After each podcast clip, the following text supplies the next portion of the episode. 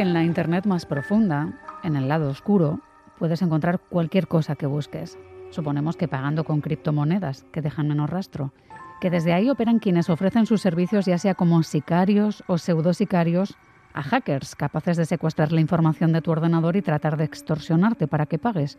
Por eso hemos invitado a quien sabe cómo descifrar ese universo de la Deep Web, pero también encontrar la información que escondemos o que algunos esconden en su ordenador para ayudar a resolver un delito.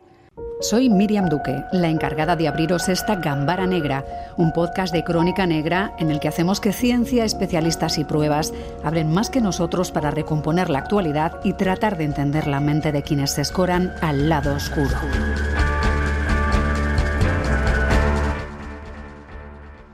Hoy lo primero hemos enviado a Maya Lengalparsoro a bucear en el lado oscuro de la web para obtener información.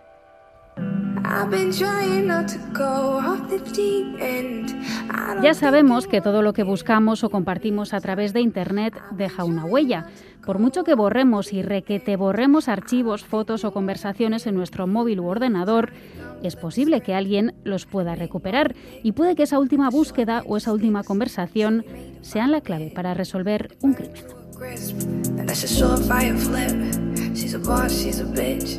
Lo hemos visto recientemente en el caso del asesinato de Elena Giovanni. Después de 20 años se reabría el caso y se analiza a fondo y con nuevas técnicas una de las pruebas clave, su ordenador.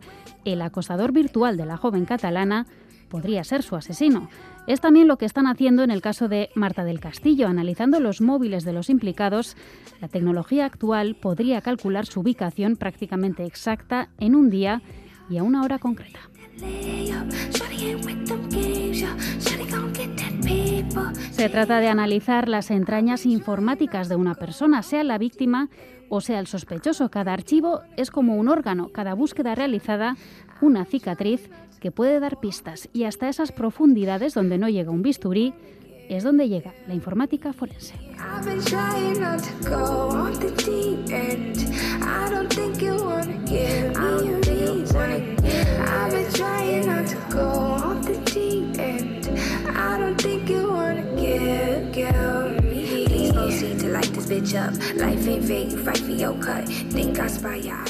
Bruno Pérez Junca es forense, forense informático, así que sobre su mesa de trabajo encontraremos seguramente ordenadores, móviles, discos duros. Eso sí, es casi seguro que aportan más información que muchos interrogatorios.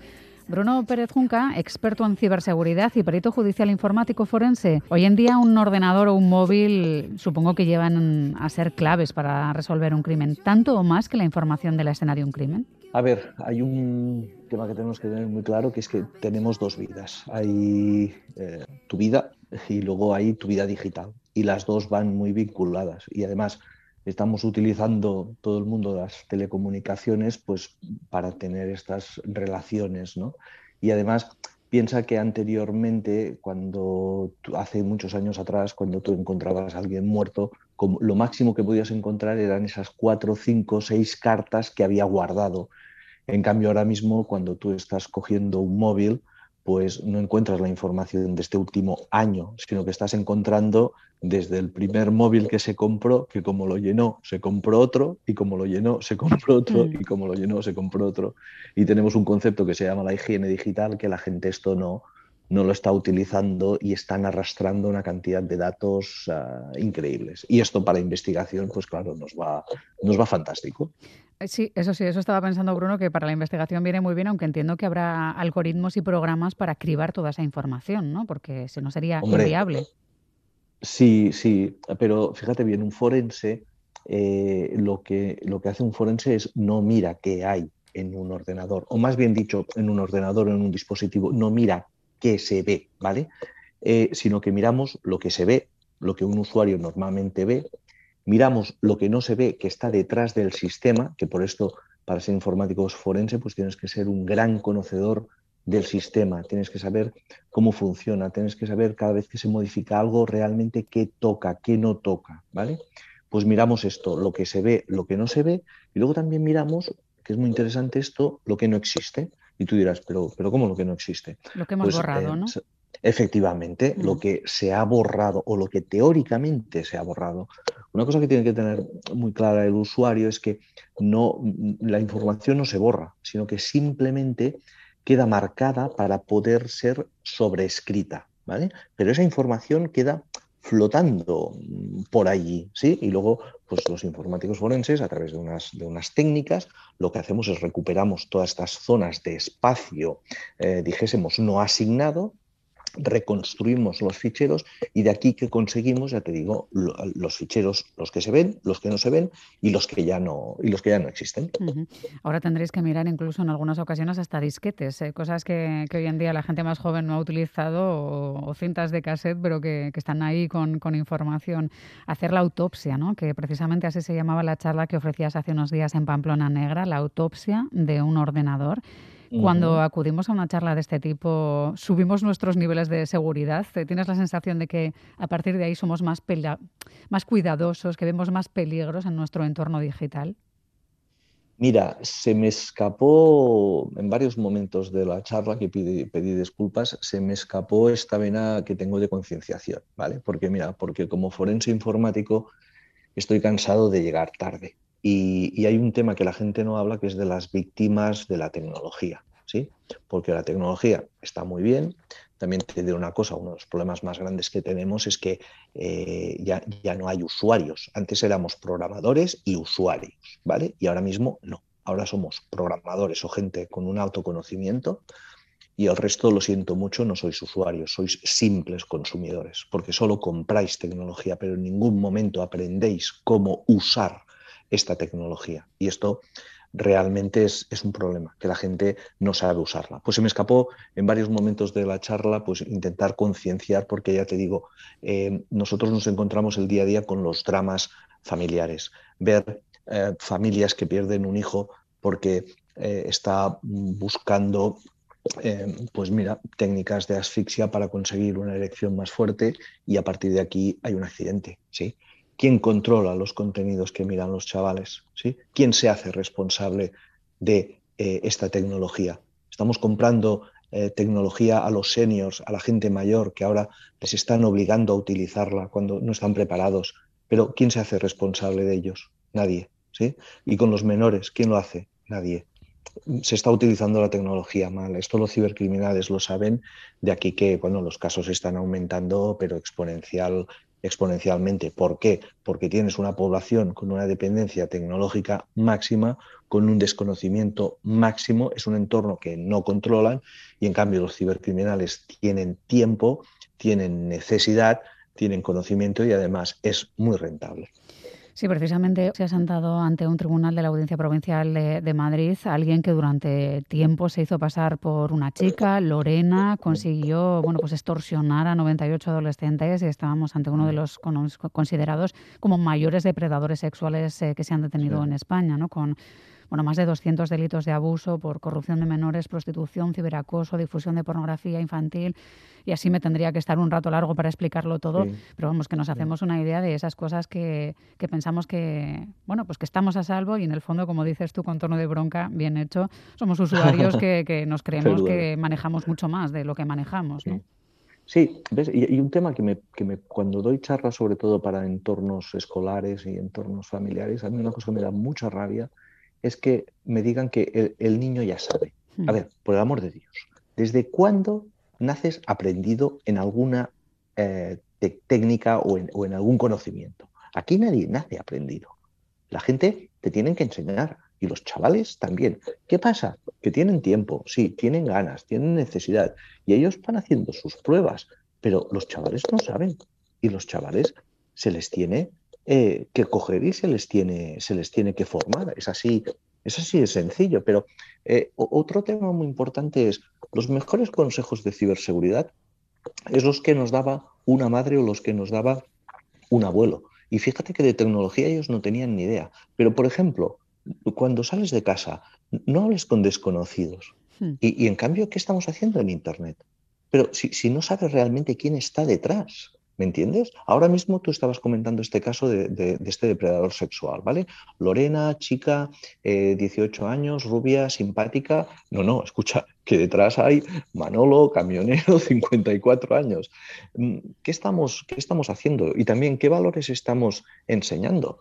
Aquí todo el mundo está hablando con todo el mundo y no sabes realmente quién está detrás. ¿No ves que todo, todo es falso? Y todo esto lleva unas consecuencias. El típico consejo de las madres cuando sales de casa es no pierdas las llaves, los passwords, pero por el amor de Dios, pero ¿cómo hoy en 2022 el password más utilizado en 2022 ha sido el 1, 2, 3, 4, 5, 6? Por el amor de Dios. Y luego la gente dice que eh, me han robado las contraseñas del, Instagram o me han robado las contraseñas del Facebook o me han robado la cuenta de...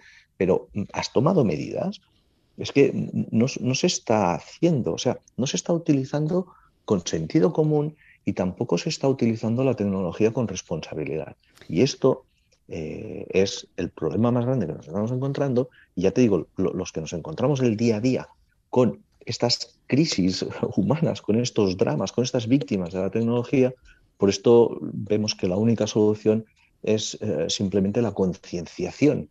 Y de aquí que bueno, que intentamos hacer estas charlas, que ya te digo que de aquí en Pamplona, que fue, fue un placer dar esta charla, sé que el personal salió eh, con un punto más de cuidado de adrenalina también, ¿eh? que es importante. Sí, también. Bruno, aprovechando tu presencia aquí, que eres especialista, que, sabes trabajar también con ordenadores que hoy en día son antiguos, porque ya 20 años son muchísimos años para la tecnología. Claro, hay, mm. casos que dependen de lo que se consiga de un ordenador antiguo para que no se cierren, para que no prescriban sin información. Es el caso de Débora Fernández, que está a punto de cumplir 20 años. No sé si mm. revisar un disco duro ahora puede ofrecer eh, un hilo del que tirar, por ejemplo, como se intentó con el caso de Elena Giovanni también.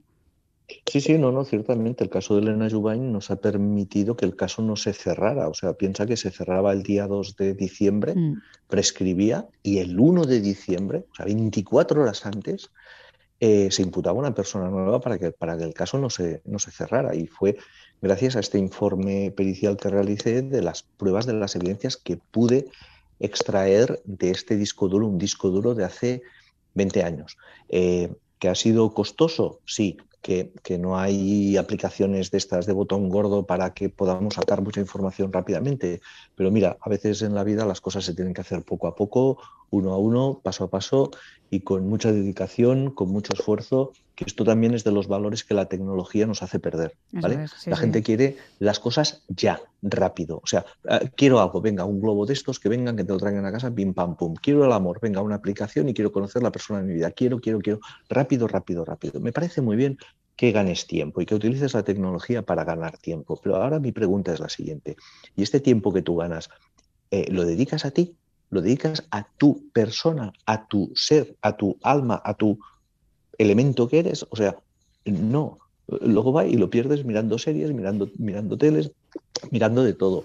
Eh, algo estamos haciendo mal, hmm. no sé, ¿no? Y esto es. Estamos ante un forense informático, divulgador de la sensatez también, por lo que vemos. Yo, pues yo sacudo fuerte, ya te lo digo, porque es que, es que, es que veo, veo los dramas eh, y, hmm. y, además me da mucha rabia porque. Eh, ves que todo el mundo que, ha sufrido pues, pues un ciberataque o, le han engañado, lo que sea, siempre dice todo el mundo, es que ya tenía un presentimiento, es que me en la mar, eh, estamos perdiendo esta sensatez, estamos eh, permitiendo que la tecnología nos, nos la robe.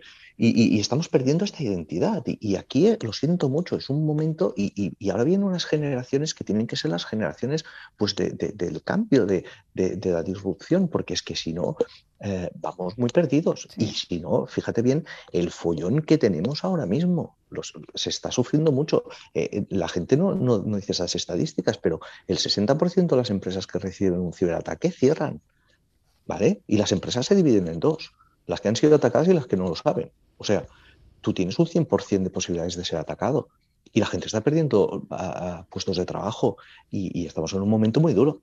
Pero esto no se habla. y esto es una realidad. hay que ser sensatos y mantener en alto las medidas de seguridad, pero me gustaría volver por un momento a, este ámbito de la restauración, porque casos como los de Débora y Elena nos marcaron mm, mucho. Mm, Hablamos mm. con el hermano de Elena, de, cómo tenían grandes esperanzas en que vuestro trabajo artesanal consiguiera localizar información en un ordenador, que además se recuperó casi de casualidad, ¿no? porque su madre pensó en reutilizarlo y, bueno, pues se volvió a aparecer en escena y ahí se vieron algunas conversaciones de lo que era chatear hace 20 años y ahí aparecía alguien que tal vez era la misma persona que, la acosaba. ¿no? no sé si seguir la pista a esos nicks eh, es más difícil que hoy en día o había menos y es más fácil. Eh, no, el tema de los NICs, aquí la Policía Nacional ha hecho un trabajo muy bueno, las cosas como sean, pero justamente mi trabajo forense ha sido no ir por esta vía, sino ir por otra vía, que es realmente hacer una autopsia digital al equipo, sí, ver lo que te estoy diciendo, lo que se ve, lo que no se ve y lo que no hay, y a partir de aquí aportar nuevas pruebas a los investigadores. Por ejemplo, los investigadores en su momento, estoy hablando del, 2001, 2002, eh, no vieron los correos electrónicos, porque si tú mirabas el software cliente que había, el, el Outlook, el Outlook Express que estaba instalado en ese ordenador, no había nada, estaban vacíos, por tanto no hay correos. Pero no es cierto, ¿Por qué? Porque Elena Jubain se conectaba a través de la página web de, de la UOC, de la Universidad Oberta de Cataluña, ¿sí? A partir de aquí daba su nombre de usuario, su contraseña y veía los correos electrónicos, pero a través del navegador. Lo que la gente no sabe es que el navegador, cada vez que tú visitas una página web, tú no estás conectado a ese servidor y lo ves desde ese servidor, sino que te conectas a ese servidor, se descarga en tu ordenador, se queda en una zona que se llama una, una zona de ficheros temporales, para que nos entendamos, ¿sí?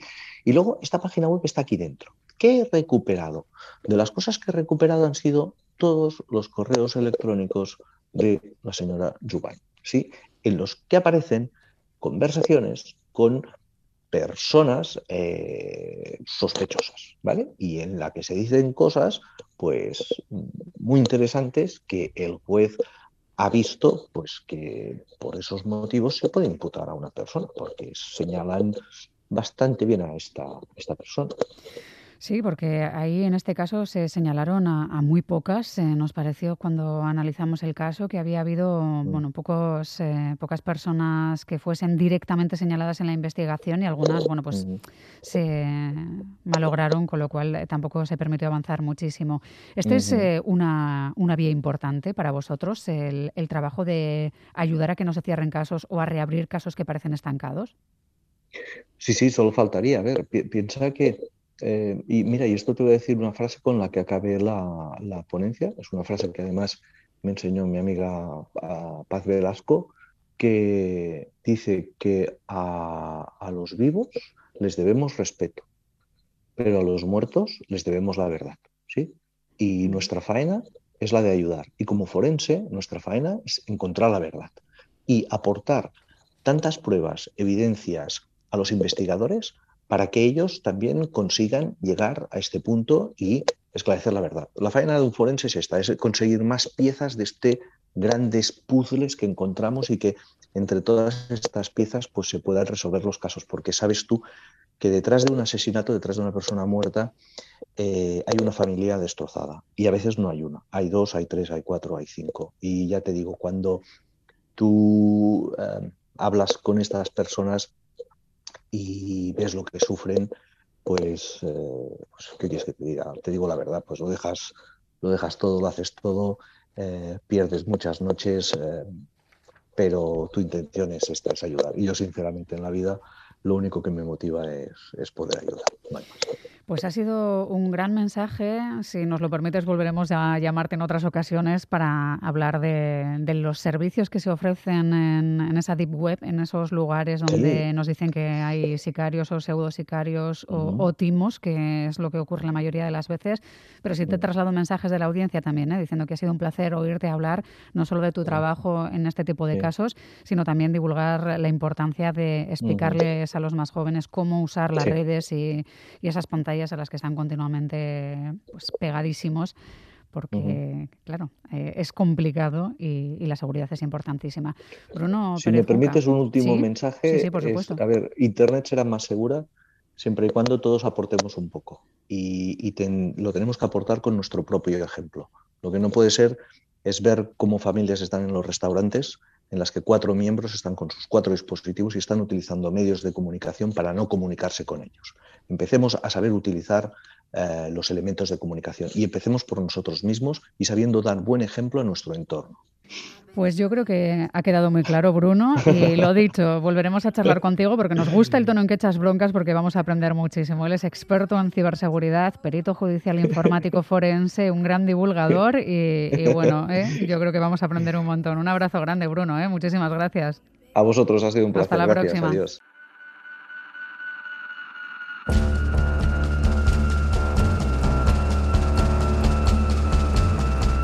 Gambara Negra, el podcast de crónica negra e investigación de EITB Podcast.